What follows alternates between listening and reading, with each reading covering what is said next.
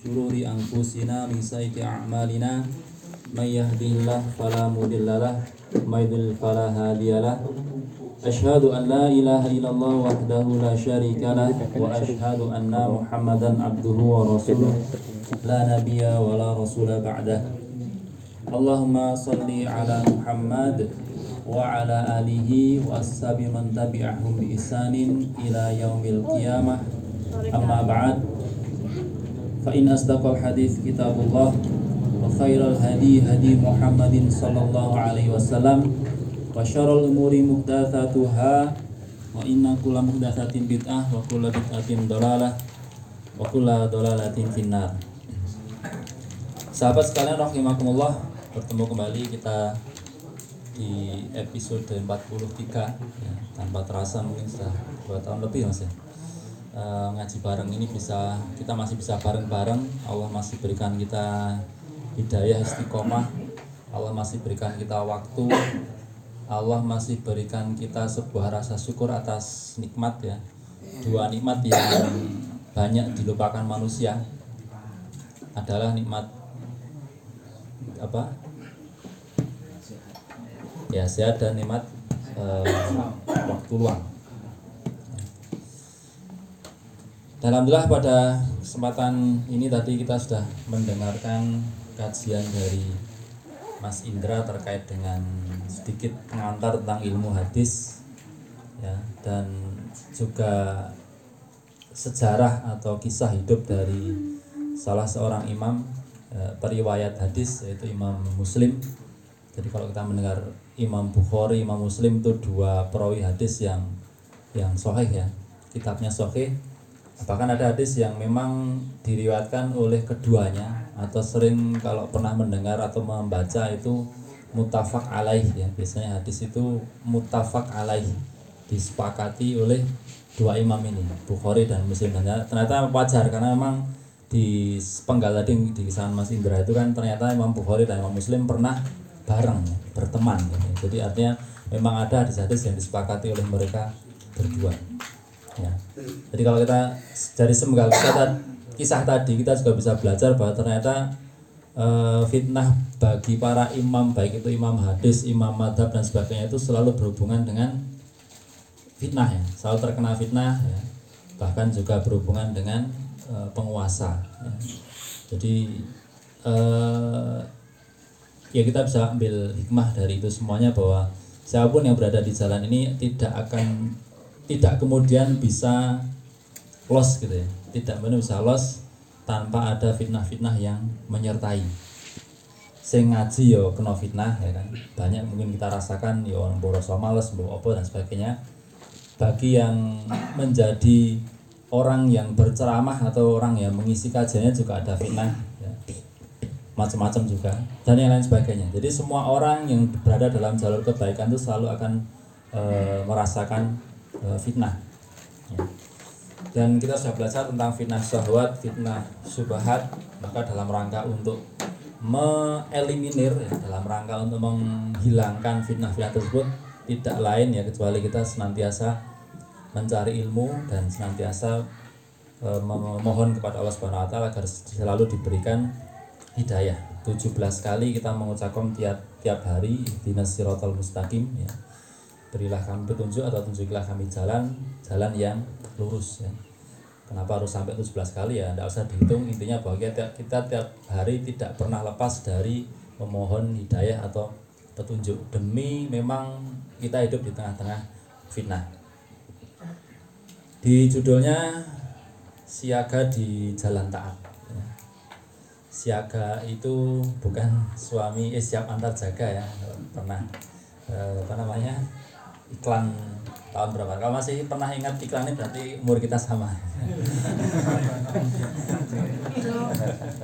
Iklan siaga siap antar jaga. Sudah banyak merasakan jadi siaga ya. Tapi saya juga punya pengalaman eh bukan pengalaman ya. Saya punya teman yang berpengalaman dari kelima kelahiran putranya itu yang di yang di apa namanya dibersamai cuma dua. Karena pas tiganya itu kodalah beliaunya sedang ada tugas entah perjalanan atau, atau tugas apa namanya dakwah dan sebagainya. Jadi dari lima itu hanya dua yang ditemani gitu ya. Ini kan suatu suatu hal yang istri melahirkan itu kan harapannya ada suami di sampingnya gitu kan tapi kodarullah karena memang suaminya sedang bertugas dan tidak dalam rangka bermaksiat ya berarti semuanya e, menjadi keikhlasan masing-masing ya. jadi suami siaga. Siaga di jalan e, taat ya. Di dalam Al-Quran ya, dalam Al-Quran ada tersebut istilah ribat. Pernah dengar ya? Ribat. Atau pernah membaca?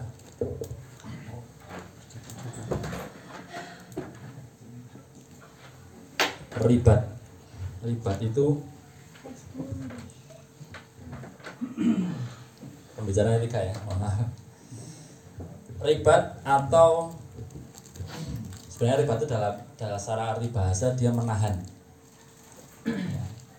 Dalam surat Al-Anfal ayat 60 ya. kalau anda mempelajari membaca tafsir tentang Al-Anfal itu surat yang banyak berisi tentang peperangan. Dan artinya juga mengharta rampasan perang ya Al-Anfal itu. Sehingga di dalamnya juga ter terkandung kalimat ini atau kata ini ada di dalamnya. Ya meskipun berupa nek belajar bahasa Arab itu ada namanya isim nakiroh. Dia tidak tidak definitifnya bicaranya dua nanti Al-Anfal ayat 60 Wa'idu lahum mastata'tum min quwwah wa miribatil khayli turhibuna bi atullahi wa atuakum wa akharina min dunihim. La ta'lamunahumullahu ya'lamuhum wa ma tunfiqu min syai'in yuwafa ilaikum wa antum la tutlamun ya. Ayat ini artinya dan siapkanlah wa'idu lahum mastata'tum siapkanlah ini sebuah kalimat perintah atau fil amr berlaku sama. Kita semua juga punya kewajiban ini ya. Dan siapkanlah untuk menghadapi mereka yaitu apa kekuatan. Ya. Yaitu kekuatan wamir ribatil khail. Ada di sini kalimat wamir ribatil ribatil khail. Ya. Ribatil khail. Sorry maaf bukan orang anak pondok jadinya tulisan Arabnya ya sak gelem ribatil khail kuda yang ditambat jadi ribat itu artinya ditambat di sini artinya ditambat atau ditahan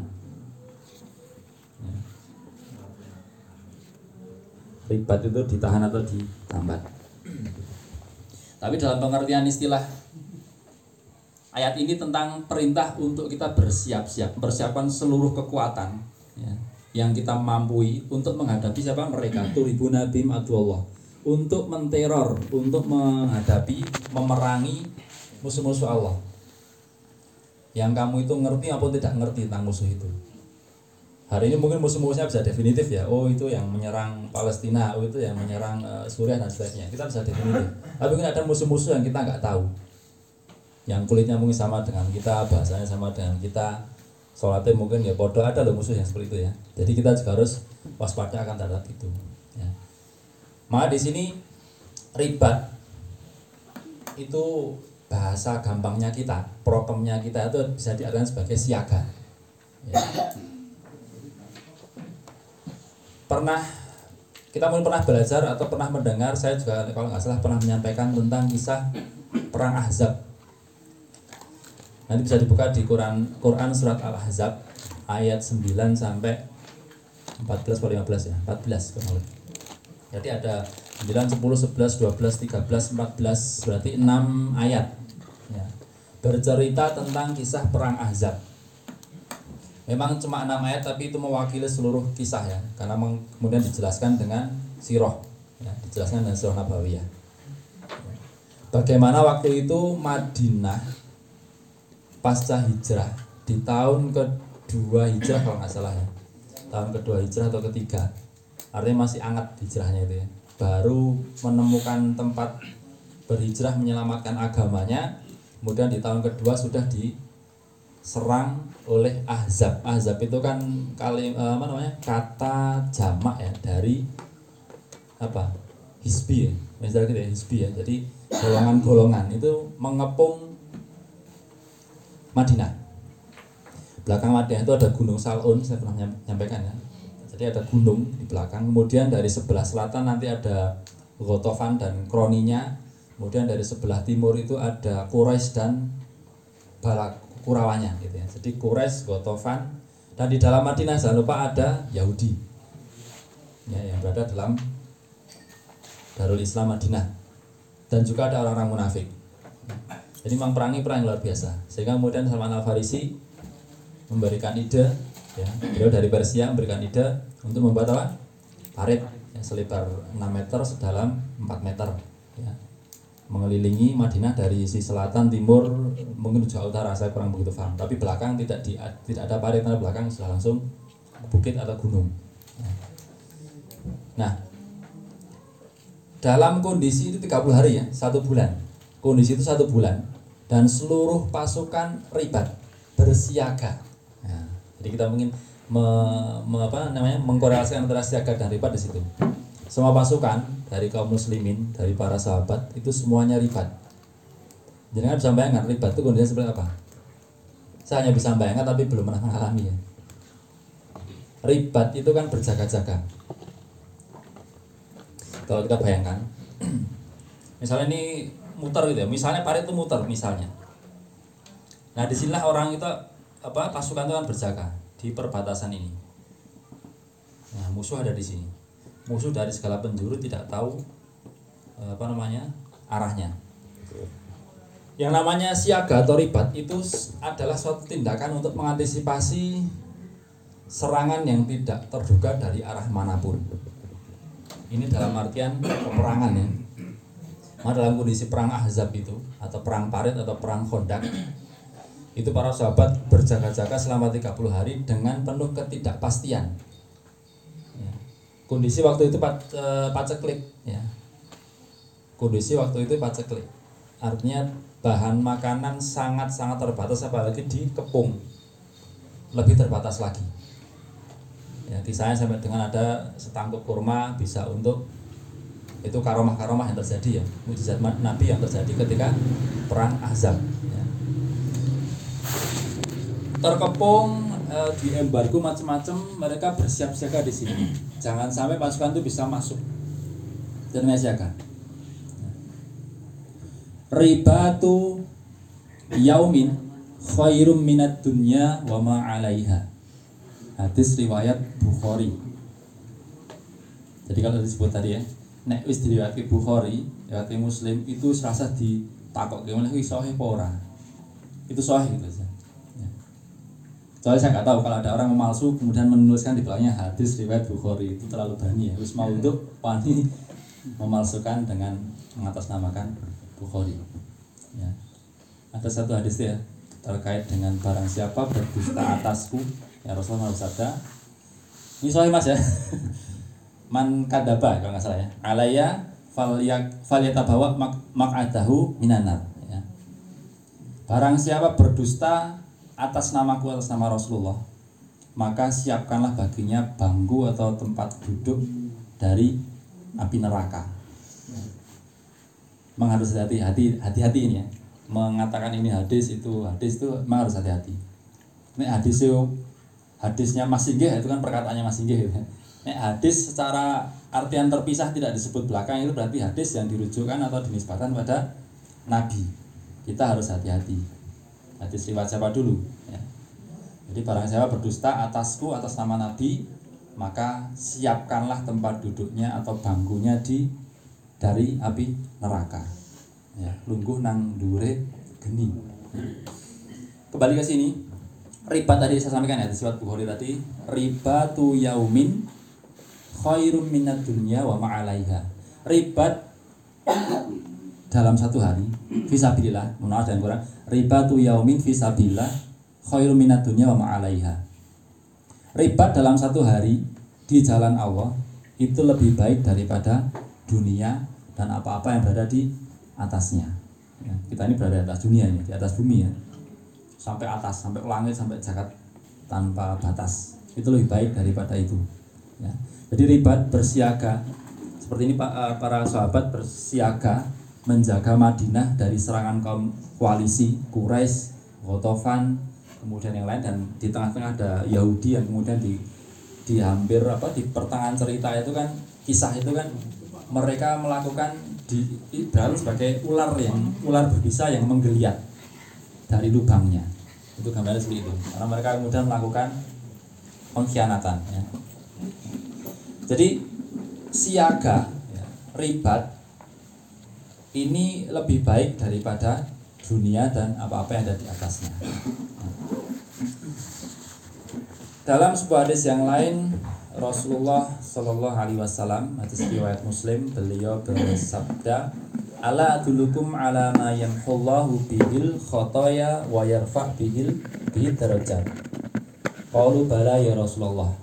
Qala isbagh al-wudu alal makarih wa kathratil khuta ilal masajid wa tidori as-salah ba'da salah fadalikum ar-ribat saya menyampaikan tadi ribat dari sisi eh dari ribat ribat secara artian berada ribat visabilillah dalam rangka berperang di jalan Allah dalam rangka berjaga-jaga menjaga perbatasan kaum muslimin ya. Kalau wilayah itu sudah dikuasai kaum muslimin harus dijaga. Wilayah di mana di dalamnya eh, apa namanya siar-siar Islam kemudian juga hukum dan sebagainya berlaku Islam itu harus dijaga. Mati-matian toh nyowo ya jangan sampai itu diambil oleh orang-orang kafir. Nah ini ada ribat kedua. Karena memang dalam hasanah keilmuan Islam itu ada dua macam ribat. Di sini ribat pakai alif lam. Itu juga istilah jadi ribat fisabilillah kemudian di sini juga ada lagi aribat maukah kutunjukkan kepada kalian sesuatu yang bisa dengannya itu menghapus dosa dan mengangkat derajat. Jadi dua ya menghapus dosa dan mengangkat derajat.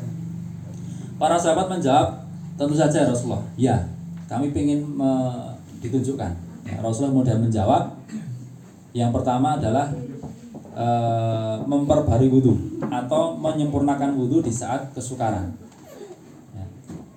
memperbanyak langkah kaki ke masjid menunggu sholat berikutnya sudah menunaikan sholat. Fadalikumur ribat. Dan itulah ar-ribat. Ini pakai alif lam juga. Jadi nanti akan ada beda kalau jadi kalau alif lam berarti gini ya. Ribat. Ya. ar-ribat. Ya.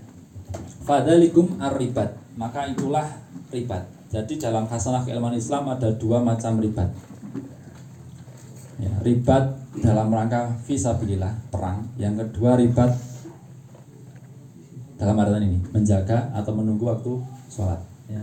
jadi memper, menyempurnakan wudhu. Kita mendengar ada seorang sahabat Bilal bin Robah ya. Yang beliau ini terompahnya sudah terdengar di jannah. Suara terompahnya. Ini kalau tidak orang yang sangat dekat itu tidak tahu karakter jalannya orang gitu kok sampai Rasulullah itu bisa tahu bahwa ini adalah terompahnya Bilal? Karena beliau dekat dengan Bilal tahu bagaimana jalannya Bilal kan gitu. Dan hafal nggak dengan teman-teman sendiri? Teman-teman kita sendiri itu hafal nggak jalannya? Ono sing digesek ono sing di selaruh ono sing dia sangat mengendap-endap gitu ya.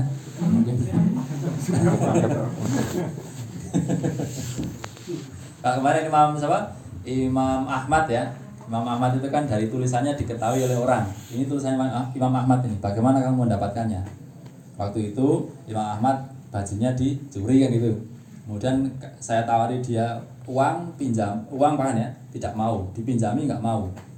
Hingga akhirnya kemudian yaudah saya minta tuliskan di dalam eh, tuliskan buku, ditulis buku dan dia memberi upah kepada Imam Ahmad. Sehingga buku itu kemudian diketahui orang ini tulisan Imam Ahmad.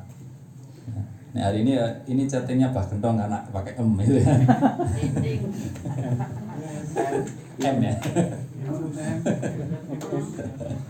Kita bisa mengenali chatting orang lewat bahasa chattingnya nih sekarang ini. Dulu tulisan tangannya. Ya. Nah, ini sama rot rendeng istilah baru itu tekelannya itu.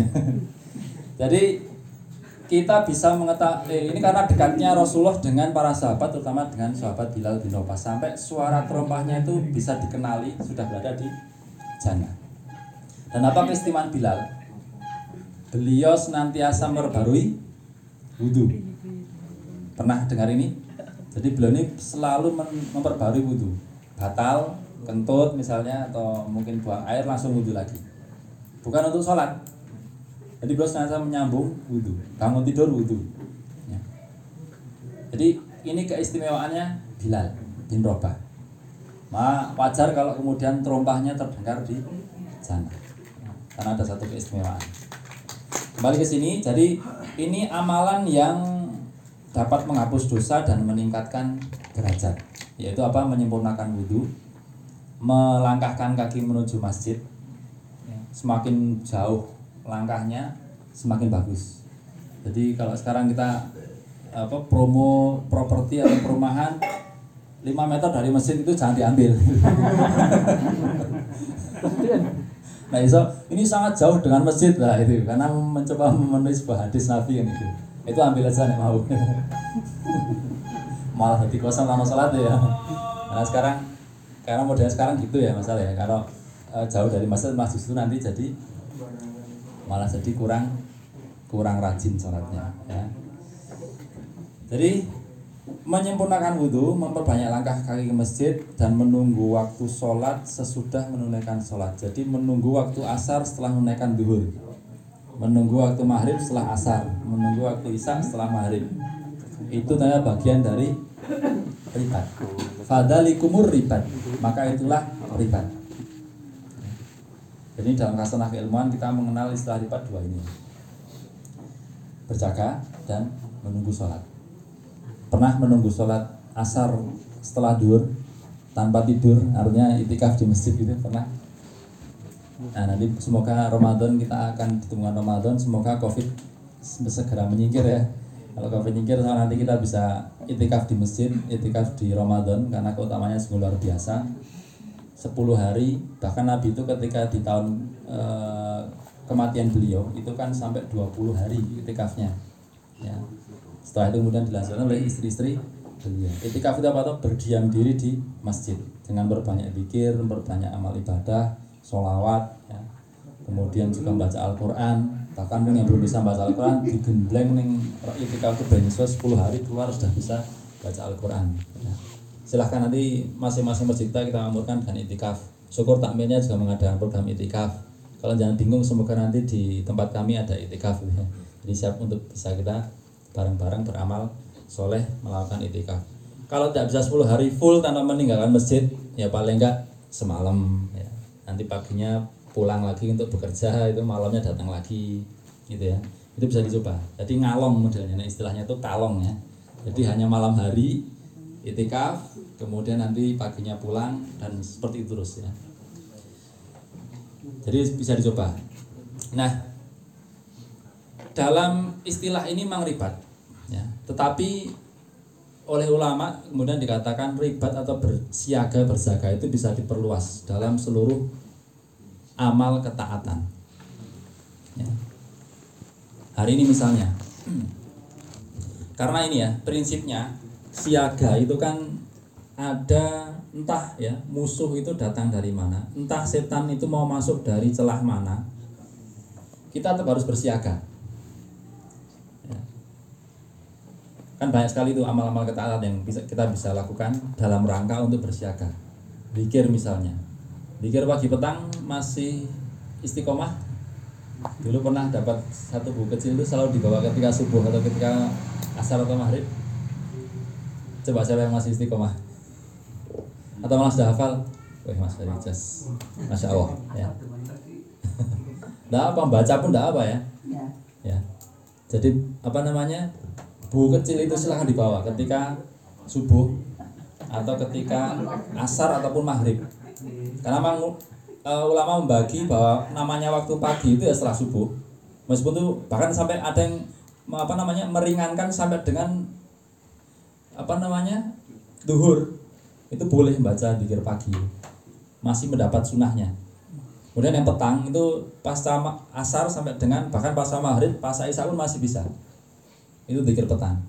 Kalau kita nggak sempat pasca asar atau menjelang maghrib pas perjalanan pulang rumah misalnya menjelang maghrib atau ba'da maghrib juga nggak sempat karena memang ba'da maghrib sampai isya itu waktu untuk keluarga misalnya makan bareng dan sebagainya pada isya ya. Itu zikir pagi dan petang. Ini kan salah satu piranti untuk wasilah untuk bersiaga ini. Berjaga-jaga agar supaya musuh itu datang dari arah tidak sangka-sangka ada dalam zikir pagi itu kan doa apa? Misalnya uh, a'udzu bi kalimatillah hitamati min syarri itu doa untuk apa itu? Selamatan selamatan apa? Berlindung kepada Allah dari termasuk jin kan? Masuk jin itu jin itu musuh kita kalau dia kalau dia jin apa? Yang syaitan ya. Jin ada yang muslim ada yang kafir ya ada yang fasik ada yang seperti manusia juga ya. jadi ada doa itu. Ada misalnya Bismillahirrahmanirrahim layaduruhu ma'asmihi dan seterusnya. Itu juga doa-doa yang paling enggak dengan doa itu itu menjadi wasilah atau menjadi pikir kita menjaga diri dari kecelakaan dari keburukan. Dan pikir pagi itu baru downhillan bareng ya. Itu insya Allah nek misalnya ada soal kecelakaan ya itu ujian gitu. Tapi kita berharap tidak ada kecelakaan apa pun. Di jalan di mana dan sebagainya. Maka baca doa itu untuk paling enggak untuk me, apa namanya dari madorot. Dari madorot. Kita nggak tahu madorot itu apa. Tidak hanya sekedar kecelakaan ya musibah. Mungkin ketika bermuamalah jual beli pas berdagang pas juga mungkin bekerja itu ada madorot madorot yang lain. Nah, itu silahkan dibaca untuk baca itu saya kira tidak sampai 15 menit. Ya. kecuali bagi yang memang terbata-bata baca tulisan Arab. Ya. ada yang masih hari ini belum sama sekali belum bisa baca? Saya udah ini udah 43 episode ya. Jangan sampai saya nggak tahu ada sahabat saya nggak bisa baca. Ada yang masih nol prudul. Nek ini isin ngaku jabri saya ya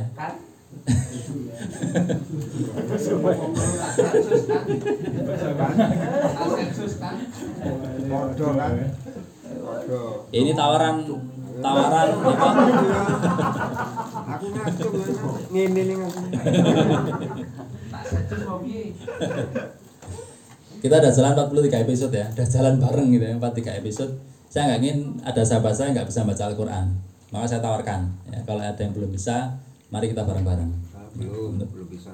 Wah Pak Surya ngaku loh ya silahkan nanti yang lain.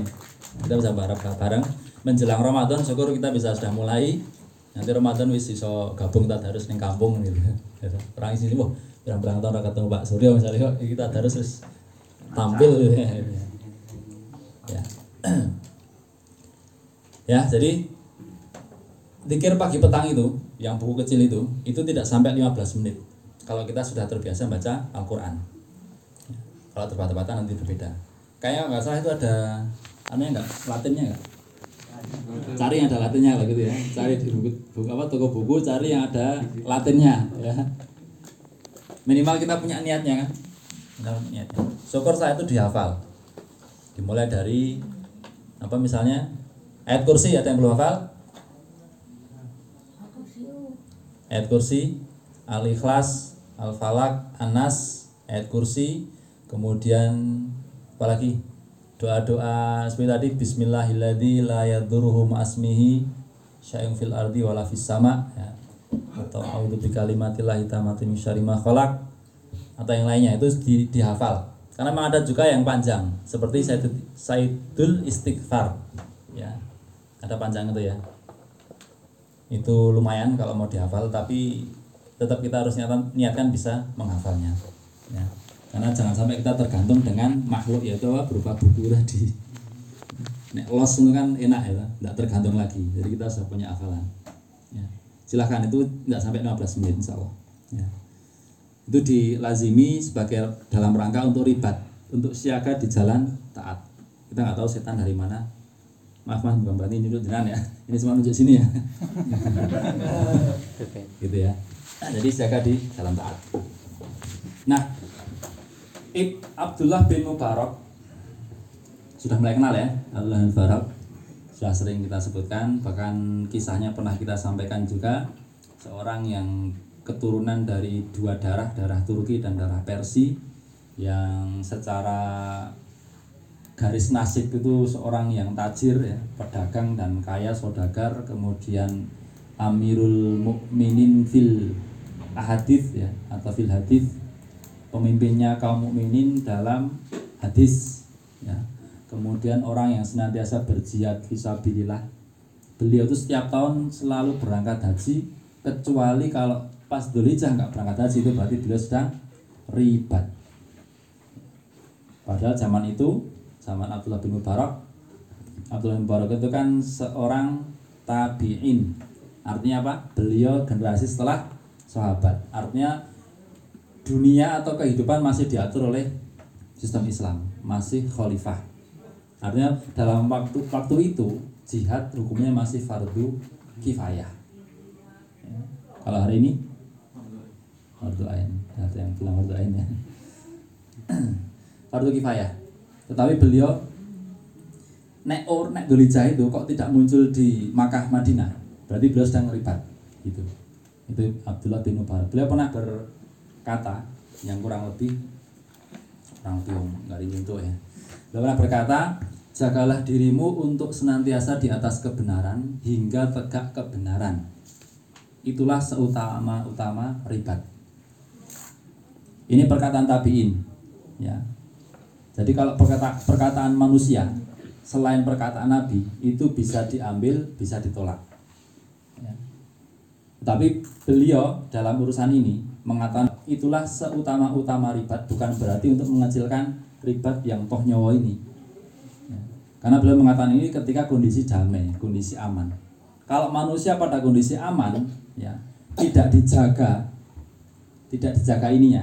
Jadi kita itu kalau dalam merasakan kondisi aman damai itu harus menjaga ketaatan agar supaya ketika kondisinya tidak damai tidak aman itu kita masih berada pada ketaatan. Nek kondisi aman kok wis wis apa sak geleme dhewe gitu ya. Salat yo bolong-bolong wae misalnya ya. Salat jamaahnya juga ah gosik ah gosik itu ketika kondisi nggak aman semakin ah gosik itu yakin nggak mas?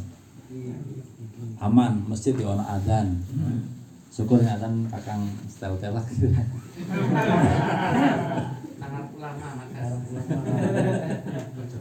Ya.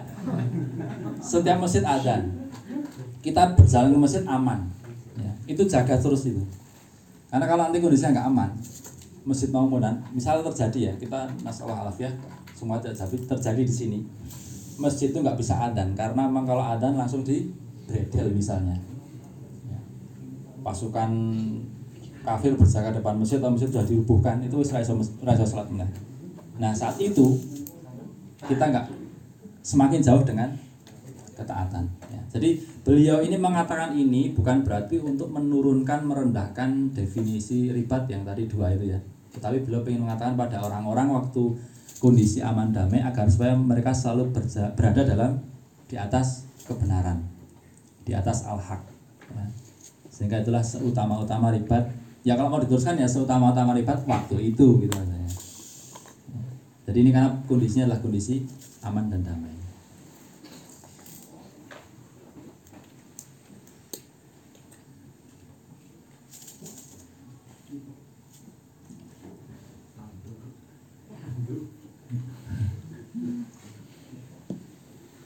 Jadi bisa difahami ya, artinya memang kita berjaga-jaga itu eh, kita tetap harus memimpikan ini. Ada yang bermimpi ribat di jalan Allah, ribat disabilillah toh nyawa meninggalkan keluarganya ya kita harus bermimpi ya karena itu birwatu sanam anak tangga tertinggi anak tangga puncak dari keimanan dari sejak menyingkirkan duri di jalanan sampai dengan birwatu sanam yaitu puncaknya adalah ya. Nah ini iya tetapi di posisi yang lain, kondisi yang lain kita juga harus iya. Ya. Siaga selalu, ya, berjaga selalu dalam kondisi ketaatan. Ini kan tidak bisa di generalisir ya. Setiap orang punya amalan andalan. Saya meyakini seperti itu. Ada yang apa mengandalkan dalam amal ketaatan itu misalnya dengan tilawah. Tilawah Al-Quran sehari saya bahkan sampai ada yang mengharuskan satu juz per hari misalnya. Itu adalah satu amalan ketaatan dalam rangka menjaga diri dalam ketaatan. Ada yang senantiasa jangan sampai sholat jamaah saya bolong kecuali ketika safar dan kondisi-kondisi yang memang saya mendapatkan rusuh itu mungkin ada. Ya. dalam rangka untuk menjaga ketaatan. Oh, ada juga yang misalnya saya akan senantiasa bersedekah berinfak ya setiap hari. Ya, bahkan mungkin sampai mengharuskan nominal tertentu. Itu ada. Karena memang dalam rangka untuk menjaga ketaatan. Ya. maka saya berpesan ya ini liwalakum ya bagi saya dan juga bagi uh, sahabat semuanya mari kita uh, tentukan amal andalan kita ya. amal andalan kita dari sekian banyaknya amal yang sudah diajarkan oleh Rasulullah sudah dicontohkan para sahabat ya silahkan ambil yang amal yang terbaik sebagai andalan ya ini dalam rangka lain untuk menjaga ketaatan. Karena amal juga selain zikir, ya doa dan juga amal soleh itu insya Allah nanti akan bisa menjaga kita, memproteksi kita selalu dalam ketaatan dan memproteksi kita dari gangguan-gangguan ya setan ya gangguan dari uh, musuh-musuh Islam dan sebagainya musuh-musuh Allah dan sebagainya ya. jadi kalau kita mengkorelasikan dengan Al-Anfal 60 tadi siapkanlah kekuatan maka kita juga harus menyiapkan kekuatan dalam rangka untuk bersiaga di jalan ketaatan ya. Jadi masing-masing kita punya uh, caranya sendiri-sendiri. Jadi inti kajian seperti itu ya. Inti kajian kita hari ini adalah seperti itu. Ya. Ribat ada dua macam. Ya. Apa tadi? Ribat apa? Yang aribat ya. Ribat di jalan Allah fisabilillah yaitu berjaga di perbatasan dan ribat dalam artian menunggu waktu sholat kemudian bisa kita perluas menjadi berjaga bersiaga di jalan ketaatan ada yang ditanyakan biasa orang anu ya diskusi ya. Jadi saya, saya tanyakan di sini adakah pertanyaan?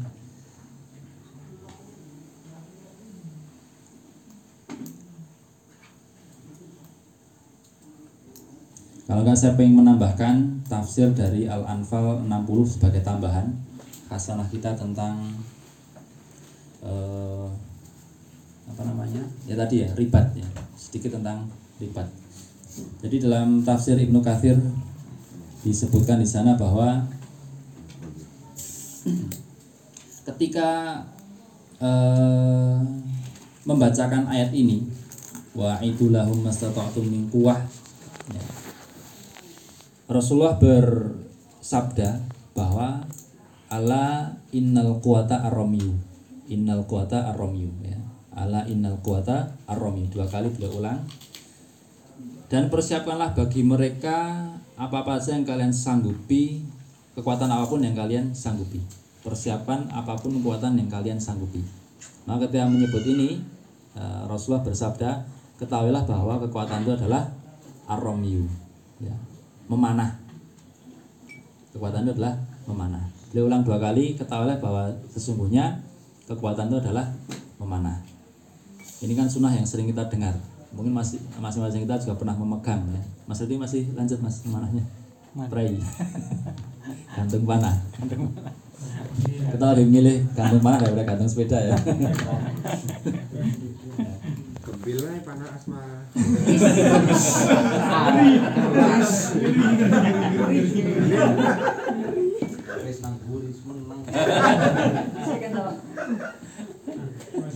ada asmara ya kalau ini kan majas ini. Majas cinta. Jadi sungguhnya kekuatan itu adalah memanah. Ketahuilah sungguhnya kekuatan itu adalah memanah. Ya. kalau kita mempelajari sejarah ya siapa hari ini yang bisa mempunyai kekuatan memanah atau melempar itulah yang kadang menguasai kancah peperangan ya. Di ayat yang lain di Al-Anfal juga sama uh, wala romaita eh wama romaita uh, id romaita walakin Allah roma dan tidaklah kamu itu melempar saat melempar kecuali Allah yang melempar ya. jadi inti kekuatan itu di melempar. Ini kalau kita apa namanya e, melakukan sebuah kegiatan olahraga itu cari yang olahraga kekuatan yaitu dengan melempar. Memanah salah satunya Kalau yang di hadis ini ada riwayat Muslim, Ahmad dan Abu Dawud, innal ala innal kuata arromyu itu kan pakai alif lam juga arromyu itu berarti langsung definitif itu memanah. Memanah jelas pakai prinsip melempar dengan alat bantu kan string itu ya dan busurnya. Tapi di ayat yang lain Allah tadi bahwa sesungguhnya kamu tidak melempar kecuali Allah yang melempar. Ya. Hari ini kancah peperangan dunia bahkan modern hari ini kan pakai melempar juga. Peluru itu juga kan dilempar. Meski tidak pakai string kan gitu. Pakainya kan besi. Ya besi ya, berpadu dengan hadit gitu ya dengan besi ya. Jadi melempar dengan besi kemudian tambah ada ya teknologi misalnya mesiu dan sebagainya atau mungkin uh, api dan sebagainya untuk melontarkan uh, alat-alat tersebut ya. Jadi intinya uh, kekuatan itu kalau mau cari kekuatan itu pakai olahraga yang prinsipnya melempar gitu ya. Itu insya Allah kekuatan. Kalau bersepeda kekuatan melempar nggak gitu? lemparan sepeda ketika motor satu ya. Lemparan sepeda. Lempar sepeda.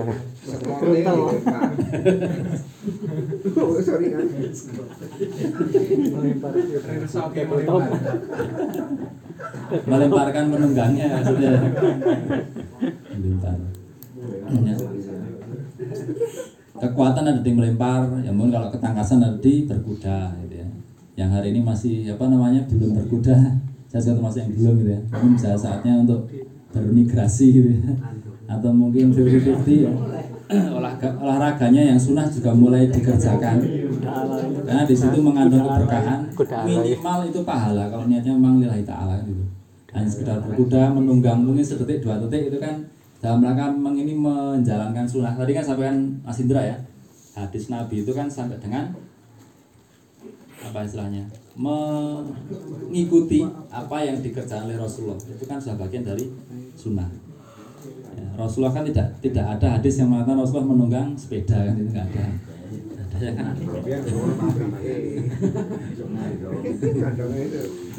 Nek ngandang kan nggak nggak nggak kuda itu nggak gerobak. Nggak gerobak. Manggung. Manggung sudah ada belum ya? Berkuda itu. Stable apa itu? Ada itu manggung. Yang memang open gitu ya untuk untuk kaum muslimin misalnya atau untuk yang umum. Belum. Ada ya? Eh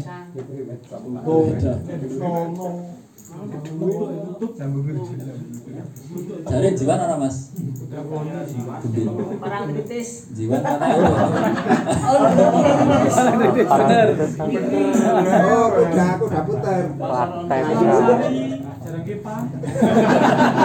Roni, Roni.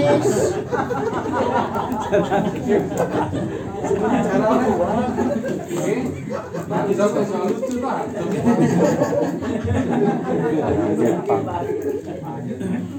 yang sudah ada itu kan tiga, olahraga sunnah memanah sudah ada ya kalau di ya. Spot-spot manah itu sudah ada. Baik yang perpani ataupun yang apa independen milik komunitas-komunitas tertentu itu ada ya. Berenang juga sudah banyak. Berkuda yang saya belum ter Pak Muji. Aris. Dukar. Security variabel ya. Kita belum ya berkuda. Padahal ini adalah memang memang ya, eh, secara ukuran orang pelihara kuda itu wong sugih. Bahkan ada satu hadis mengatakan kalau orang pelihara kuda itu rizkinya tidak akan mandek bahasanya atau secara pengertian tidak akan berhenti. Orang selalu, selalu mendapatkan rezeki ketika orang melihara kuda. Karena kalau kita bayangkan kuda itu ya berdasarkan informasi yang saya dapat itu kan paling enggak sehari kuda andong itu kalau nggak salah 50 ribu berapa mas? Oh, berapa ya? Sekitar itulah kurang lebih 50 maksimal 50 itu kuda untuk dokar andong itu loh apalagi kuda yang memang untuk tunggangan apalagi untuk kompetisi itu jelas ngalahin menungso apa? Banyak kodone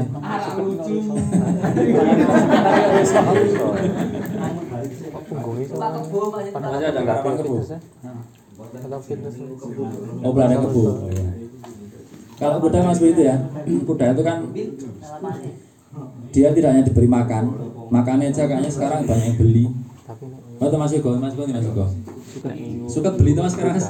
Nah, suka itu kan beli sekarang. Belum nanti vitaminnya belum harus melihara orang untuk merawat kuda. Tiap harus dimandikan harus disikati harus belum nanti sepatu kudanya itu harus diganti secara periodik berapa bulan sekali ya. Klit, saya pernah lihat orang masang sepatu kuda itu lumayan memang resikonya. Salah posisi disepak wah lumayan. Ada orang kalau disepak kuda itu nek kena garas ya patah kemungkinan tenaga kuda tapi.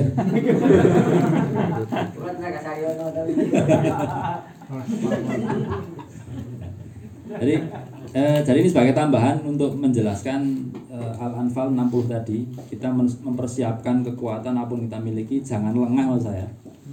Karena kondisi ribat yang pertama dan ribat menunggu sholat atau mening- ribat dalam rangka siaga dalam ketaatan itu prinsipnya sama. Mengantisipasi sewaktu-waktu musuh itu datang. Baik musuh berupa setan, apa was was was was bisikan ya, ataupun musuh musuh dalam artian memang setan yang terlihat ya. Itu kita harus waspada. Ya maka di sini salah satu bagian dari mempersiapkan kekuatan ya olahraga sunnah tadi. Jadi kalau hari ini kita olahraganya prinsipnya belum melempar semoga ditambah yang prinsip melempar gitu ya melempar barbel ya mas Ferry ya. Atau yang lainnya berkuda berenang. Kalau hari ini kita apa kayaknya waktu sudah habis misalnya ya anak-anak kita dipersiapkan ya.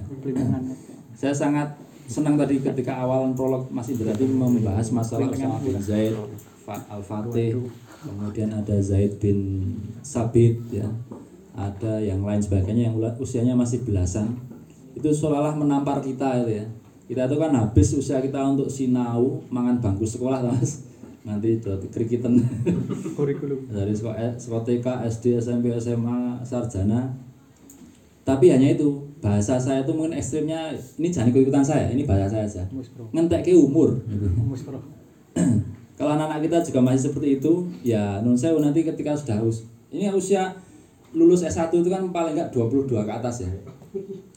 Ya 20-an ke atas lah tergantung kecerdasan dan mungkin kalau sekarang ada kelas akselerasi ya dia nggak sampai 22 tahun sudah mungkin S1 sudah selesai kalau S1 kalau sarjana. Ya.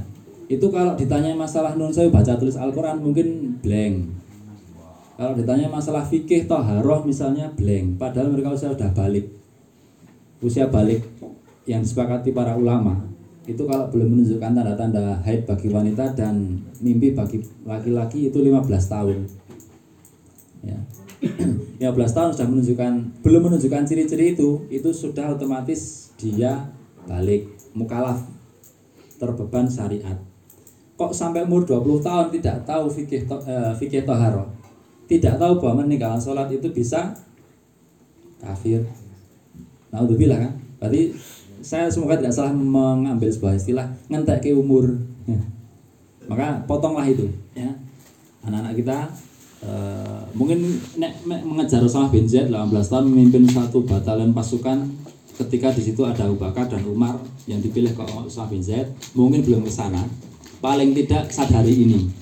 Kita sadari sebagai orang tua yang sudah jadi orang tua sadari bahwa ya silakan ya jenengan tuh anaknya masih sekolah di SD SMP dan jenjangnya itu tapi mohon bekali kalau jangan bisa bekali ya di sekolah dia atau di di mulazamah kini sopo gitu ya atau disuruh ngaji ke siapa ya. Untuk demi dalam rangka untuk ini mempersiapkan kekuatan. Itu termasuk kekuatan mempersiapkan generasi. Ya. Anak-anak kita tuh biar yang hari ini non sewu ya mungkin banyak yang tidak sadar bahwa mereka diserang oleh musuh-musuh Islam. Bosnya TikTok berapa sekarang? Ke- keuntungannya? Bosnya TikTok berapa? Keuntungannya 200 berapa itu? 226 ya triliun kan kalau nggak salah. Sing do TikTokan itu udah rasa sadar kan gitu. Sadar ya? Jadi banyak generasi kita mungkin termasuk generasi orang tua juga ada yang yang terjebak dalam TikTok gitu. Bahkan ada yang sampai membuat auratnya joget-joget gitu ya. Perempuan tuh banyak sekali gitu ya. Maka jangan sampai terjebak ke sana. Jangan sampai terjebak ke sana. Maka silahkan kita persiapkan seluruh kekuatan yang kita mampu. Menek kita bisa secara sendiri-sendiri ini ya. Dengan eh, fisik kita siapkan ilmu kita siapkan selalu ngaji. Ini selam- dalam rangka juga kita siaga di jalan taat. Selalu ngaji. Sebisa mungkin kita nggak pernah absen ngaji ya. Kalau forum kita hanya ngaji barang sahabat ya jangan sampai absen. Nek forum kita ada di sini ada yang lainnya jangan sampai absen juga yang di lainnya. Karena itu dalam rangka bersiaga ribat dan juga mempersiapkan kekuatan. Anak-anak kita istri istri itu ya karena belum ada yang istri-istri kita ya. Jadi istri kita keluarga kita lingkungan kita ini penting lingkungannya mari sama-sama mari bareng-bareng ya. Saya dan juga dengan beberapa teman juga ya bareng-bareng dengan lingkungan ya. Kita bangun bersama jenengan yang hari ini mungkin diamanai di ketakmiran di TPK mari kita bareng-bareng kolaborasi sinergi ya dalam rangka membangun ini tadi. Ben istilahnya fitnah-fitnah itu ter apa ya terkurangi. Ya. lingkungan kita itu kan ora digawe sing nyaman untuk ibadah kan ya sulit kan. Ngempon ini kayaknya sudah lumayan gitu lumayan gitu jadi dari sejak saya belum menikah sudah dengar ngempon itu ya lumayan memang ya. Jadi mari masing-masing eh, tempat tinggal kita ini kita bangun kita warnai dengan eh, nilai-nilai Islaman keislaman. Syukur kita menjadi penggeraknya dan bisa bareng-bareng dengan bahasa kerennya stakeholder yang ada di sekitar situ gitu ya. Mungkin yang bisa saya sampaikan mohon maaf eh, ngalor ngidul. Intinya cuma sedikit sebenarnya cuma siaga di jalan tatu aja ya. Jadi kita masing-masing bisa mengambil inspirasi dari apa yang kita sampaikan tadi kemudian ini udah beres mas gue pembicara Terakhir. Baik, saya dapat amanah untuk menyampaikan door prize sarung. Mungkin mau yang ada hitam lagi atau mau nikah lagi bisa jadi bisa jadi.